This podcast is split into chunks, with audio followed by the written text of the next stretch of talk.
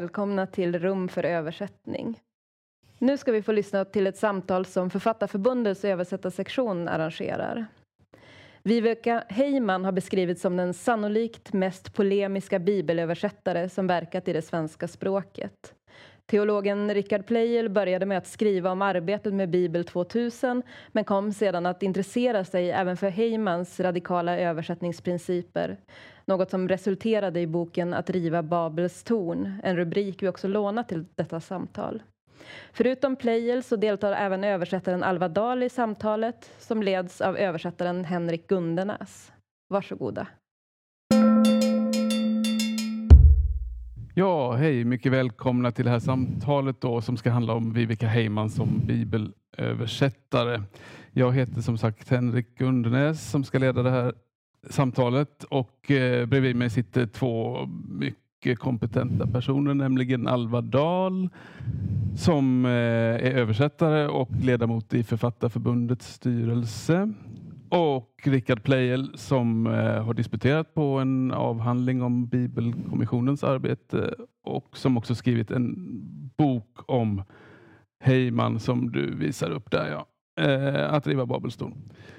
Ehm, jag tänkte att ni får börja med att säga något eh, kort om eh, Vivica Viveka Heyman. Vem var hon och eh, hur har ni kommit att intressera er för henne? Vem vill börja? Jukka Heyman föddes 1919 i Uppsala och bodde sedan här i Stockholm större delen av sitt liv och var Eh, kritiker till en början och även författare, en diktsamling och en roman han hon ge ut. Men framförallt översättare. Först av modern hebreisk litteratur och sen av Gamla testamentet. Eh, och jag blev intresserad av Heyman i samband med eh, mitt avhandlingsarbete om Bibel 2000 som, som nämndes.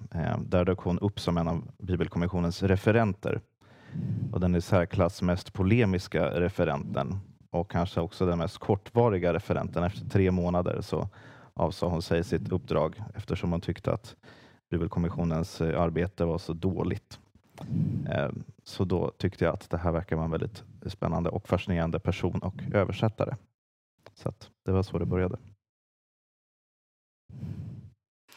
Jag hade väl eh, hört talas om Heyman och hennes översättningar som någonting ganska befängt och utskrattat. Och, eh, sen läste jag Rickards bok och tyckte att det var så roligt att i den boken få eh, få läsa hur du försöker förstå liksom, vilka principer hon arbetade efter och sätta det in i liksom, hennes projekt. Att hon eh, eh,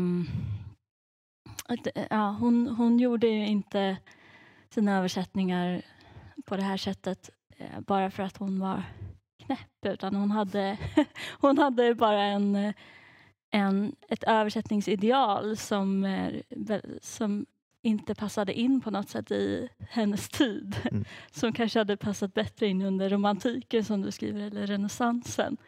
Eh, så det är ju kul med en sån eh, det är både på något sätt sorgligt men också uppfriskande med någon som um, inte passar in i sin tid. Uh, mm. Ja. Jag tänkte vi kan komma in direkt på Bibelkommissionen. Det är svårt att komma, komma undan den. Eh, alltså den kommission som eh, mellan 70-talets mitt och 2000 arbetade på det som skulle bli Bibel 2000. Eh, som ni redan nämnt så verkade Heyman i polemik mot den här kommissionen under lång tid. Mm. Eh, vad kan man säga om Heyman kontra kommissionen? Eh, kan man till exempel eh, vad kan man till exempel få reda på om Heymans översättningsideal genom att kontrastera det mot, mot kommissionens? Ja, eh, det är uppenbart att det är två väldigt olika förhållningssätt till, till att översätta till en början och det är olika förhållningssätt till vad översättningen går ut på. Så Vivica Heyman ville då Eh, som öppnar ett fönster in till den gammaltestamentliga föreställningsvärlden och hon menade att Bibelkommissionen som ju hade som uppdrag att göra en idiomatisk översättning och att eh, överföra så att säga, bibeltexternas eh, budskap eller, eller innehåll eh, till, till svenska, en modern språkdräkt. Och eh, i, i liksom, eh, brytningen mellan de här två översättningsidealen så blir ju dels Bibelkommissionens sätt att översätta tydligt, men också eh, Viveka Heimans sätt. Och det är väl inte eh, omöjligt att ehm, eh, hennes polemik mot Bibelkommissionen ledde till att hon själv kanske eh, accentuerade sitt eget översättningsideal ännu mer, kan man tänka sig.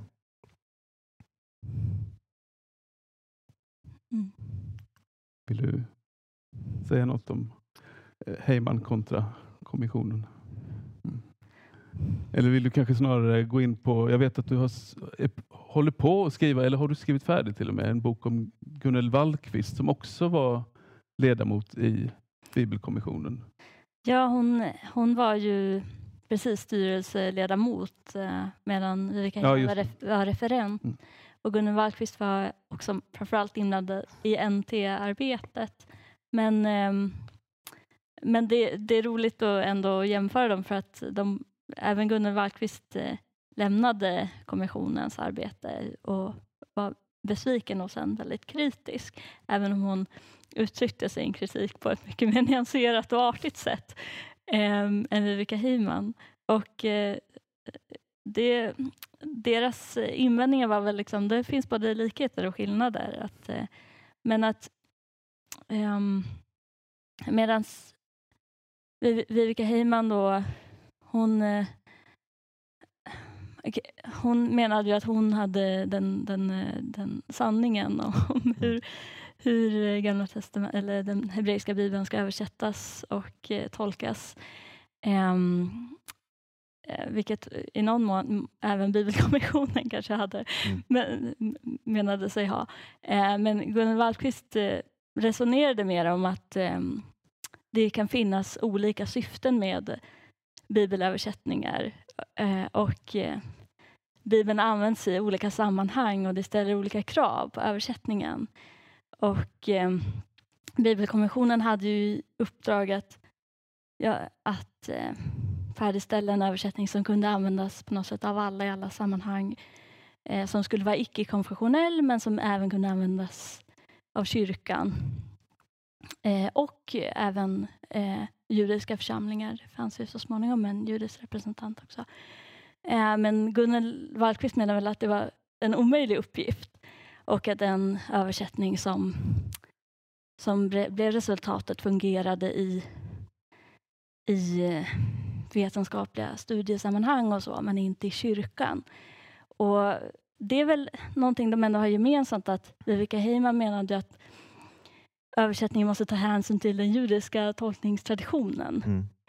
Eh, medan Gunnel Wallqvist menade att översättningen måste ta hänsyn till den kristna tolkningstraditionen. Eh, när man översätter vissa nyckelbegrepp och sådana saker.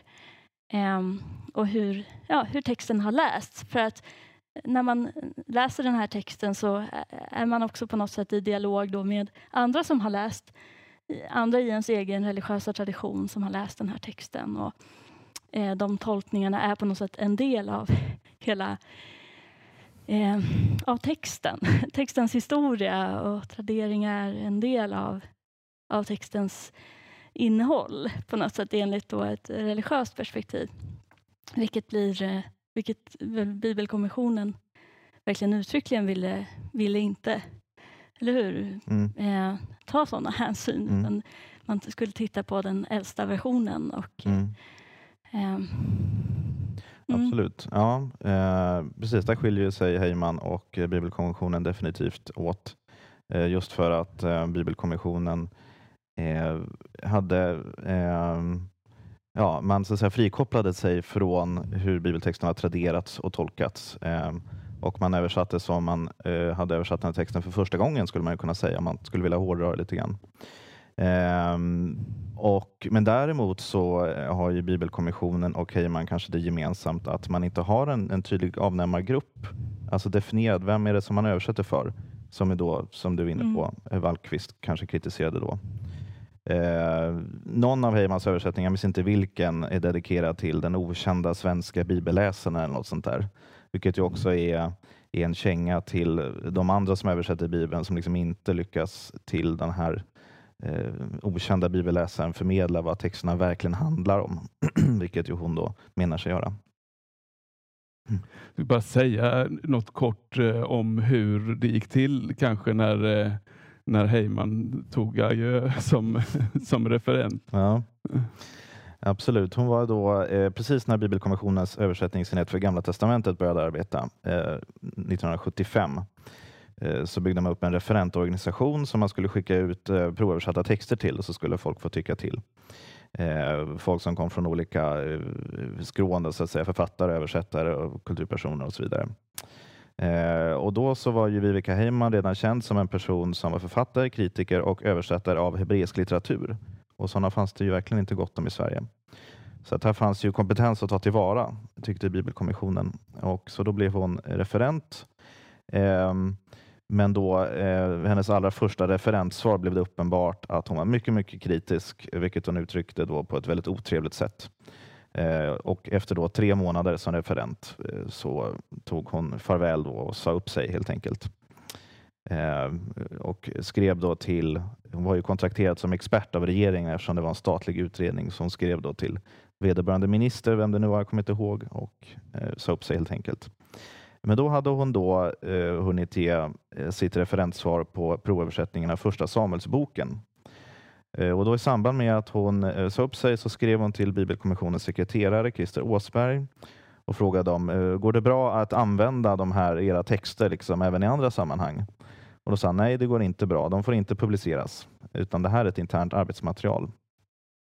Och sen då året efter, eller 1977 då, ja precis året efter, Eh, så utkommer hon då på Cavefors förlag med sin översättning, sin egen översättning av eh, första Samuelsboken, eller första och andra Samuelsboken som hon lät trycka tillsammans i en volym. Och som appendix där så finns då den här provöversättningen av Bibelkommissionen och så har hon även bifogat sitt eh, referentutlåtande. Så liksom mot Bibelkommissionens uttryckliga vilja så har hon gett ut det här då, vilket också presenteras som Bibelkommissionens förslag till ny översättning av Första Samuelsboken, Eh, vilket är ett väldigt eh, fräckt sätt att eh, handskas med de här texterna på. Men ganska typiskt för henne. Ska vi kanske komma in lite mer på hur Heymans översättningsideal skiljer sig från kommissionens. Ett sådant område är hebraismerna. Eh, om jag förstår saken rätt då, så menar Heyman att ett, uttryck, ett bibliskt uttryck som att tala i sitt hjärta eh, måste återges ordagrant därför att man annars inte begriper att, att form och innehåll i fornhebreiskan är, är ett. Va? Ehm, skulle ni vilja resonera lite kring det här och kring, eh, kring uppfattningen att en, mer, eh, att en översättning som eftersträvar en mer idiomatisk nutidssvenska som då eh, kommissionen eh, gjorde, eh, att den riskerar att leda till ett eh, substansbortfall av, av något slag. Mm. Mm. Ja, um, men det är ju, jag tänker en del av det har, kanske har att göra just med det här som säger att man översätter texten som om den översätts för första gången. Då, då gör man ju eh, kanske som Eh, om jag tänker som litterär översättare så gör man ju en bedömning på något sätt vad är ett idiom i den, det här språket. Eh, och om man slår fast att ja, men det här uttrycket är ett idiom, ett fast uttryck eller en, en klyscha i, på det här främmande språket, då men det kanske låter jättepoetiskt och innovativt på, på mitt språk. Eh, då kanske det är bättre att jag hittar ett annat idiom på svenska. Um, det, det, är väl eh, på något sätt eh, den principen, gissar jag, som, som, eller som, som Bibelkommissionen också tillämpar. Att man mm man vill ha det här att man vill ha samma effekt på något mm, sätt. Om, mm. om den hebreiska läsaren för flera tusen år sedan inte uppfattade det här som något speciellt anmärkningsvärt uttryck så, mm. så, så, så, normaliserar man det eller hittar någon, någon motsvarighet som, som låter eh, mm, som mer vanlig svenska.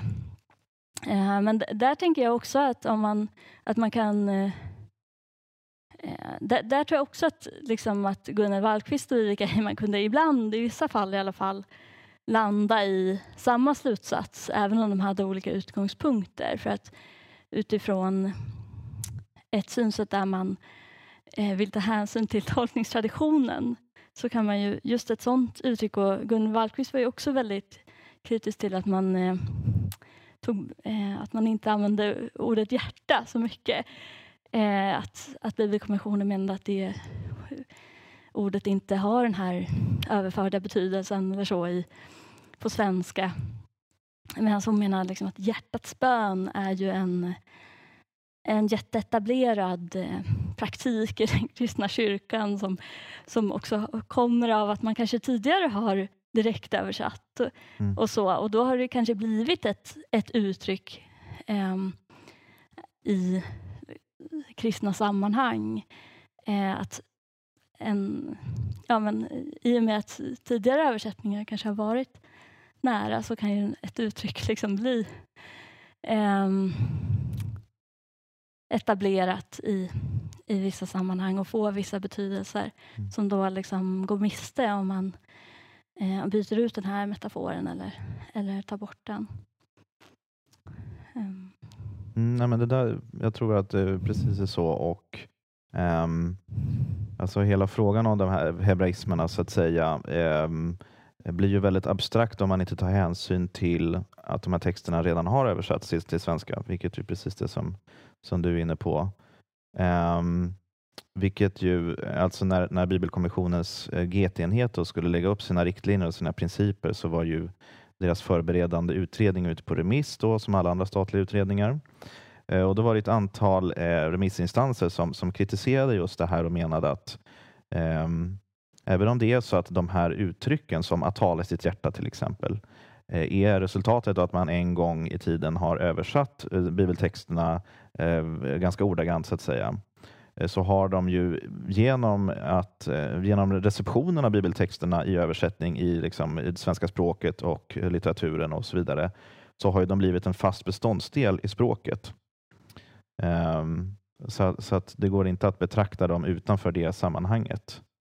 Och sen absolut, Viveka Heyman eh, hade ju definitivt uppfattningen att eh, innehållet eller meningsbetydelsen går inte att skilja åt från formen.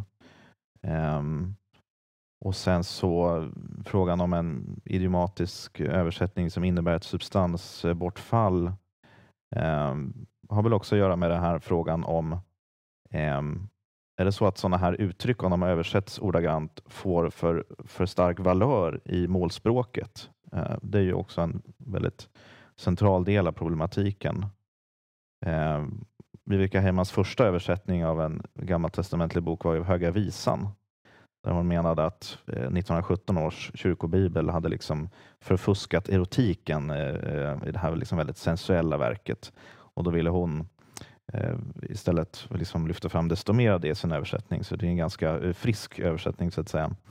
Ehm, och, eh, men då var det flera recensenter som, som menade att ja, men den här, de här liksom sexuella konnotationerna hade inte källtexten i sin tid, utan det, den blir liksom eh, översexualiserad så att säga.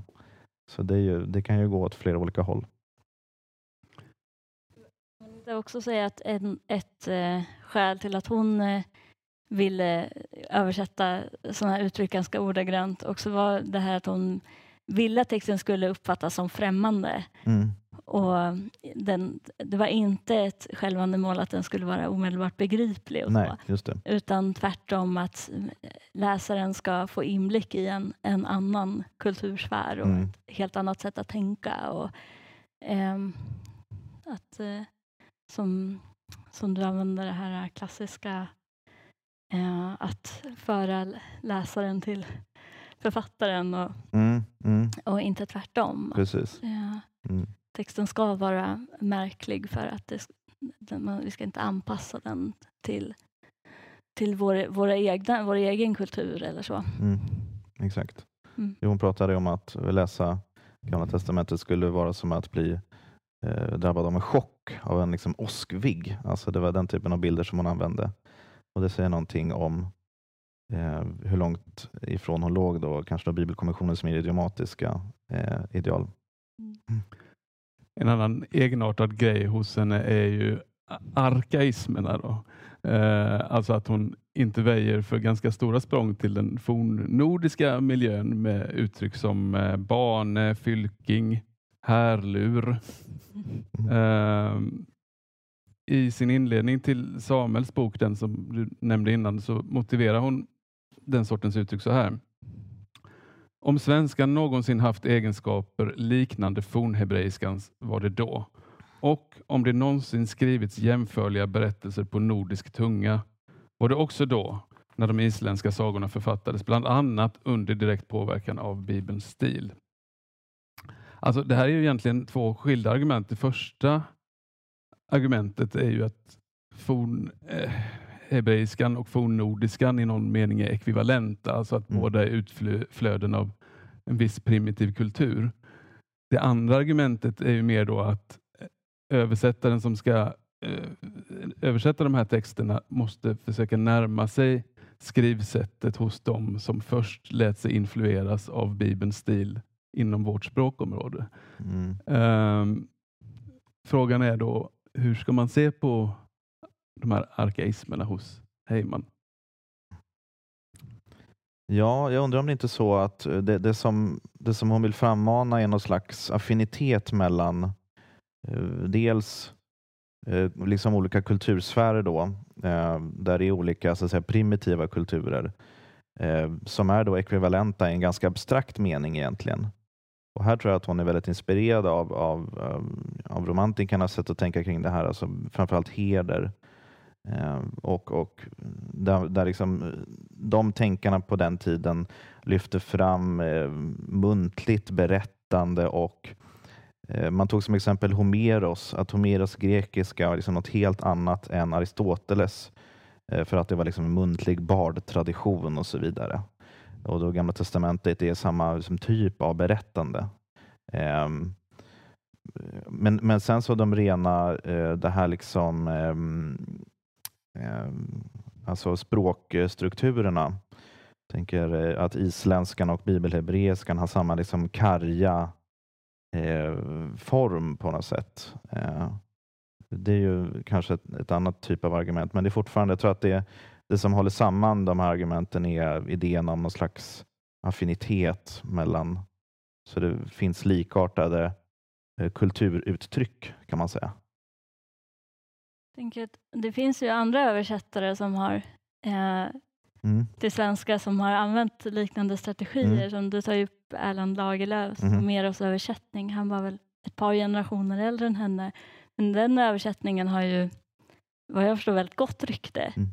fortfarande. Det är ju ganska intressant. Sen finns det ju kanske andra saker som gör Viveka Heimans översättningar eh, och även liksom hela kontexten runt om och knäppare. Men det är ändå kul att, att jämföra och liksom att det, det finns ändå andra som har haft liknande strategier. En Mm. annan är ju Åke Olmarks Mm. som också översatte eh, bland annat Silverbibeln Mm. till svenska med, med jättemånga sådana här fornnordiska Mm. ord och, och sådär. Mm. Eh, så det, det är som en... Eh, ja, det finns, det finns en sorts tradition eh, av det där. Knäpp, Mm. Knäppare säger du. Vad, Ja. vad tycker du är knäpp? För den är ju nästan ännu knäppare än, än en del av Heimans Ja, översättningar, ja. eh, måste man ju säga. Jo, precis. Nej, men de, de är väl kanske lite jämnknäppa, Åke Mm. Olmarks och Viveka Heiman. Nej, men, ja, jag minns eh, eh, när jag stötte på Olmarks översättning av Silverbibeln första gången för några år sedan så kollade jag någon formulering som har stannat kvar och det är i början av Johannes evangeliet när det kanske, om det står i Bibel 2000 ungefär, att eh, där är Guds lam som tar bort världens synder. Eh, Så har Olmarks, eh, här är denne Guds vädur, vilken avtagare denna manna sedd dess missgärningar. Så, liksom, så där låter det hela tiden. Mm. Och det är liksom väldigt, väldigt knäppt ur målspråkssynpunkt så att säga. I, i julevangeliet så står det att om den här skattskrivningen Mm. att, eh, att uppgiften är att upprita hela Midgård. Just det. det ja, det Mm. man undrar lite vad de hade tänkt om varandras översättning. Ja, precis. Ja, verkligen. Men de var nog, eh, hade kanske inte kommit så bra överens som personer. Nej, förmodligen inte. Inför det här samtalet så bad jag er att ta fram någon parti ur en Heyman-översättning som ni, ni tycker är intressant eller belysande för hennes sätt att, att översätta. Eh, Alva, har du något? Ja, Mm. eh, jag ska plocka fram ett papper då. Jag eh, tänkte på um, eh, Saltaren, psalm 138 tog jag som exempel. Eh, Saltaren är ju en text som många, både judar och kristna, har liksom en stark relation till och läser ofta och mycket och sådär. Eh, och eh, jag tycker det var kul att läsa i i Rickards bok en, en av recensenterna tar upp. Hon skriver, eh, Bergil heter hon, Kristina Bergil. Mm, det. I Heimans tolkning kan saltaren inte bli den tröst för bedrövade den varit i sekler. Eh, precis så tänker jag när jag läser hennes saltaröversättning. Den är liksom inte, det är inte en eh, text att eh, meditera och känna med på samma sätt, utan den är, eh, det är mycket mer än... eh, Och det har väl att göra också med på, på något sätt eh, att hon eh, just ville på något sätt föra läsaren till en annan tid och hjälpa läsaren att lära känna en kultur som hon upplevde att hon lärde känna när hon läste de här texterna. Eh, Medan kanske eh, kristna saltarläsare är liksom vanare, vanare att läsa det här som en, en bönetext som man kan identifiera sig med på något sätt. Och till exempel då den här psalm 138 är enligt Viveka Vivica eh, hennes kommentar om den här psalmen är att uppenbarligen en krigssalm för en kung. Eh, medan 1917 års översättning har en överskrift som är tacksägelse till Herren den store och nådige. Ehm, och det här krigiska elementet som finns i hennes översättning, det, det finns liksom inte alls på samma sätt Mm. i, i de andra översättningarna. Nu har jag liksom jämfört med Bibel 2000 och 1917. Ett till exempel då, ja det är också ett exempel i inledningen på det här eh, fornordiska, för hon inleder av allt mitt hjärta tackar jag dig drott. när, när det står jag vill tacka dig av, av hela mitt hjärta i Bibel 2000. Och eh, när Bibel 2000 skriver du fyllde mig med kraft, eller 1917 du gav mig frimodighet och min själ fick kraft. Då skriver Vivica Heyman du gjorde mig järv och förmäten. eh, och sen när Bibel 2000 skriver när jag drabbas av nöd bevarar du mitt liv. Eller 1917 om och min väg går genom nöd så behåller du mig vid liv. Då skriver Vivica Heyman, när jag tågar bland mina fiender bevara mitt liv emot mina ovänners ilska. Ehm, men hon skriver också i inledningen till Saltaren att hon tycker att uh, Saltarsalmerna liksom har tonats ner och blivit för mjäkiga i den, framförallt den kristna tolkningstraditionen. Mm, mm, mm. Eh, och liksom att man tonar ner kraftuttrycken. Så att, eh, det, det, var, det är ju säkert helt avsiktligt att hon vill, att, hon vill framhäva de här, alltså hon vill någonting helt annat med texten. Eh, sen eh, kan jag inte låta bli att tänka också att hon själv var, var ju väldigt ehm, mm, hade ett väldigt häftigt temperament och kanske kunde identifiera sig med eh, mera med eh, en krigssalm. Men eh, Mm. det, det är roligt att eh, och sen det, är det tycker jag ändå är det roliga med att läsa hennes översättningar, att man som jag som inte eh, kan någonting om, om eh, hebreiska eller bibelhebreiska blir ju ändå uppmärksammad då på eh, översättningsproblemen på något Mm, sätt när man mm. jämför så olika översättningar. Mm. Ja. Absolut, Nej, men det är intressant och som, som, som du nämnde när vi, eh, när vi pratade inför det här samtalet, eh, att hennes psalteröversättning eh, det liksom kryllar utropstecken, vilket Mm. också ett sätt att eh, också liksom rent grafiskt eh, ge en ganska liksom intensiv läsupplevelse. Och det finns en väldigt intressant fenomen också Eh, det finns en, en, en, en term eh, som heter sela i, i den hebreiska texten som i många äldre översättningar återges bara liksom direkt transkriberat. Man vet inte riktigt vad den betyder. Man tror att den är en, en term som eh, ska användas när texterna framförs i synagogan, som någon form av musikalisk term för kantorn kanske. Eh, och då tolkar hon den här termen som crescendo, vilket är en musikalisk term för starkare. Eh, så då varje gång ordet sela kommer, vilket är ganska ofta i Saltaren, ibland flera gånger i varje Saltarsalm, så står det crescendo. Vilket ju tillsammans med alla de här utropstecken är liksom, eh, ger en väldigt eh, intensiv upplevelse. Kan man säga. Mm. Eh, jag har eh, valt eh, ett par exempel ur hennes översättning av Första Mosebok, eller Genesis, ehm, där hon jobbar med att eh, försöka återge ordlekar i källtexten. Alltså en av hennes idéer var ju att visa läsaren hur eh, de gammaltestamentliga texterna lät. Och där hon ju är i ganska eh, gott sällskap med andra judiska eh, bibelöversättare som Martin Buber och Franz Rosenzweig till exempel. Ehm, så, så precis i början av Första Mosebok då till exempel ehm, när, när Gud skapar mannen och kvinnan så, så säger Gud att kvinnan skall kallas hon, ty av honom har hon tagits. Och Det är ett sätt att återge hebreiskans ish som betyder man och isha som betyder kvinna. Det är alltså samma stam, men, men så finns det ett eh, suffix på ordet för kvinna. Så att, men det är liksom så att säga samma ord i grund och botten. Eh, så det leder henne till att eh, översätta eh, denna, alltså kvinnan, ska kallas hon, ty av honom har hon tagits. Vilket är ganska märkligt rent grammatiskt. Men det blir ett sätt då att liksom representera vad, vad källtexten har här. Eh, och Ett annat lika, liknande exempel är eh, eh, precis i början då av, av Första Mosebok så står det så här hos Heyman. I förstningen, vilket också är ett, ett lustigt uttryck, i förstningen skapade Gud himlen och jorden och jorden var tom och stum. Och här har källtexten ett uttryck som på hebreiska är tohu abohu. Så att det är två ord men med samma vokalljud.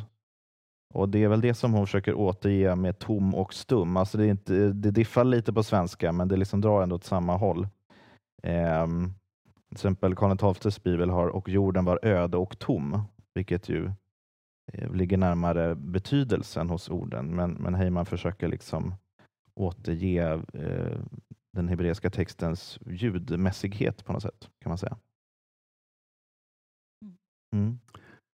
Eh, själv skulle jag vilja ta upp ett ställe i Jobs bok. Ehm, I den här boken blir ju då ehm, den plågade Job eh, ansatt av eh, en rad vänner eller män, bland annat den unge spolingen Elihu.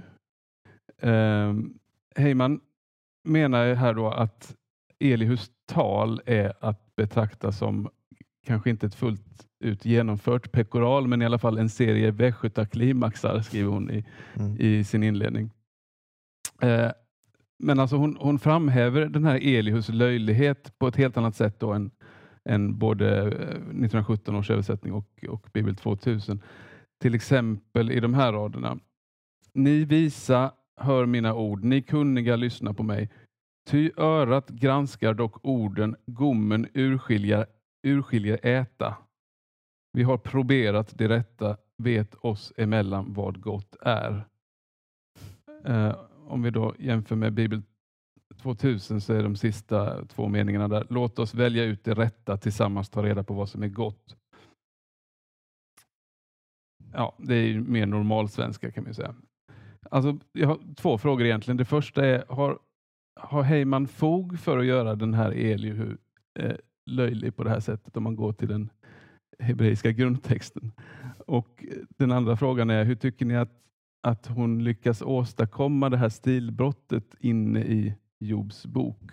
Oavsett om hon har rätt i att det rör sig om ett pe- pekoral eller västgötaklimax. Mm. Nej, men det finns absolut en konsensus inom forskningen att de kapitel där Elihu har sitt, sitt tal, att de skiljer sig stilistiskt från resten av Jobs bok. Um, att det finns större influenser från, från arameiskan till exempel, som man kan anta att det är liksom en lite senare text. Heyman menar ju att hela boken är tillkommen vid, vid ett tillfälle, att den liksom är ett odelbart helt. Och det är ju det som får henne att dra slutsatsen att här har samma författare använt eh, de här stilgreppen. Eh, och det är ju en ganska kreativ tolkning. Det är inte helt omöjligt att tänka sig, eh, kan jag tycka. Men sen är ju frågan, vad var liksom ett pekoral på den här tiden? Eh, det är ju en helt annan fråga. Man pratar liksom om västgötaklimax och jag för mig att hon jämför med konditor Ovandals dikter och sådär.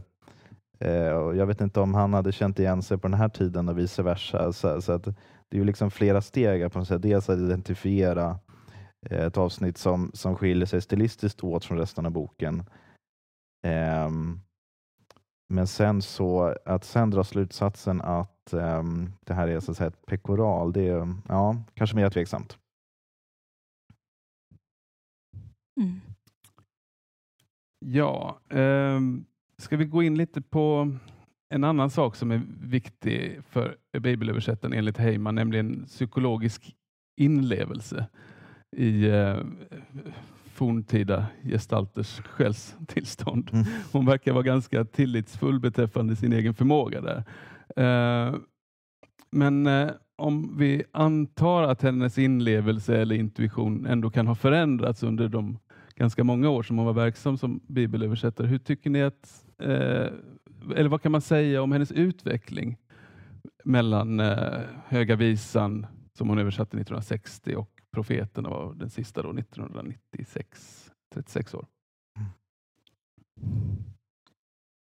Ja, eh, alltså mitt intryck är nog ändå att hon är hyfsat konsekvent i det hon gör. Eh, och hennes så att säga, eh, principiella program och det här att hon, hon eh, visar en tydlig eh, affinitet med de romantiska tänkarna och Herder och, och, och sådär. Eh, det är ju tydligt redan i, i, inledningen till Predikarna som översätts 1961. Eh, men sen så liksom det konkreta eh, utfallet av de här principerna kanske accentueras. Och det är nog inte omöjligt att tänka sig att det är på grund av polemiken med Bibelkommissionen. Jag tänker just på Saltaröversättningen eh, framstår för mig som, som den översättning som till exempel präglas allra mest av de här eh, fornnordiska inslagen av hennes översättningar. Det är väldigt, väldigt uppenbart där. Medan eh, det knappt finns någonting sånt alls i Höga visan och Predikaren. Så där så är det nog så att vissa stildrag som, eh, som hon använder sig av blir kanske tydligare och mer framträdande. Det tror jag absolut man kan säga. Även om det principiella förhållningssättet tror jag ligger fast eh, i, från början, eh, i mitt intryck. Jag har svårt att uttala mig om, om just eh, hennes utveckling, men um, jag, jag, tänker att det är ju någonting intressant med det här inlevelsegreppet och att det, mm det tråkiga är ju just hur hon pratade om sina översättningar mm. som, eh, som de enda giltiga översättningarna mm. och, och sådär. Men om hon hade eh, framställt dem, presenterat dem mer som eh, litterära tolkningar eh, utifrån en, en väldigt engagerad läsares läsningar av de här texterna så hade de eh, mm, kanske kunnat läsas mer i sin egen rätt. Och på något sätt hon hade kanske också kunnat ta ut svängarna ännu mer då eh, om hon inte hade ja, betraktat sig som en eh, så objektiv översättare mm. på något sätt. Mm. Eh, det finns ju en, eh, en text i Eh, den här diktsamlingen Får jag ha julgran? Mm. Som var hennes andra bok eller något sånt där. Precis, hon, hon skrev en essäsamling och sen kom den diktsamlingen mm. 55.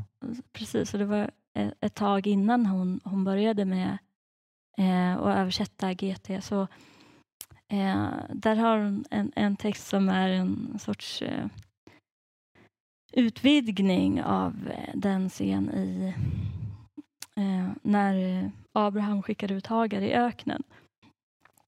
Och eh, eh, det tycker jag är en jättefin scen. Hon, hon, där, där är liksom utifrån sin inlevelse så skriver hon om, om vad som händer och liksom stoppar in mer, fyller ut texten eh, med sin eh, tolkning. Mm. Och eh, jag tänker att hon hade kunnat göra mer så nästan. Eh, och ja, men skriva litteratur utifrån Bibeln. Men ändå om, om man tänker på hennes översättningar som att det var ungefär det hon gjorde så Mm. tycker jag de blir intressantare. Mm. Mm. Ja, om man skulle försöka sammanfatta hennes översättningsprogram så kanske man skulle säga då att en bibelöversättning bör vara psykologiskt inlevelsefull, poetisk, konkret i betydelsen tingnära, Mm. sensuell. Mm. Mm. Eh, hur väl tycker ni att hon lyckas realisera det här programmet?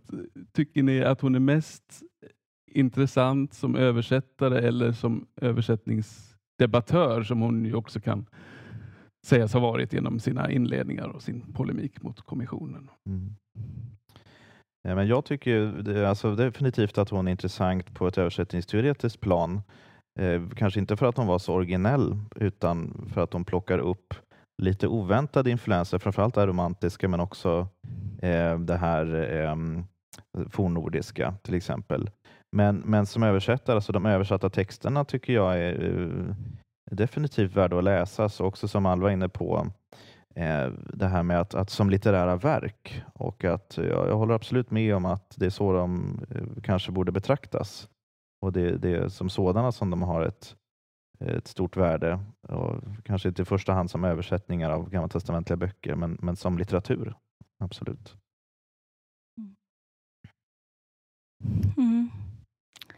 Sen, eh, nej men just att hon, hon eh, sticker ut så mycket med sina föreställningar om, om, om den, eh, den goda översättningen synliggör ju också det här, alltså hon utmanar ju på något sätt och är, är besvärlig och synliggör då också just det här med att ändå Även om hon inte hade hållit med om, eh, om det så tycker jag ändå att hon synliggör att översättningsnormer är så skiftande. Och, mm det som anses vara rätt sätt att översätta i en tid är jättekonstigt i en annan tid. Och, Mm.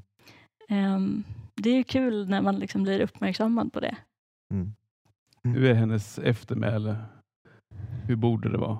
Hur borde hon bli ihågkommen?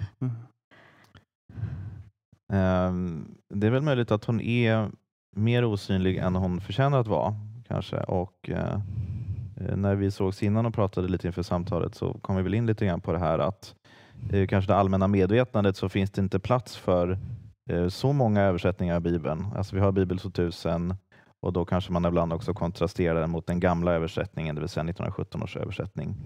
Men de här liksom, så att säga, privatföretagen som ju Eh, Det finns massa andra exempel under 1900-talet på folk som översatt eh, större eller mindre delar av Bibeln.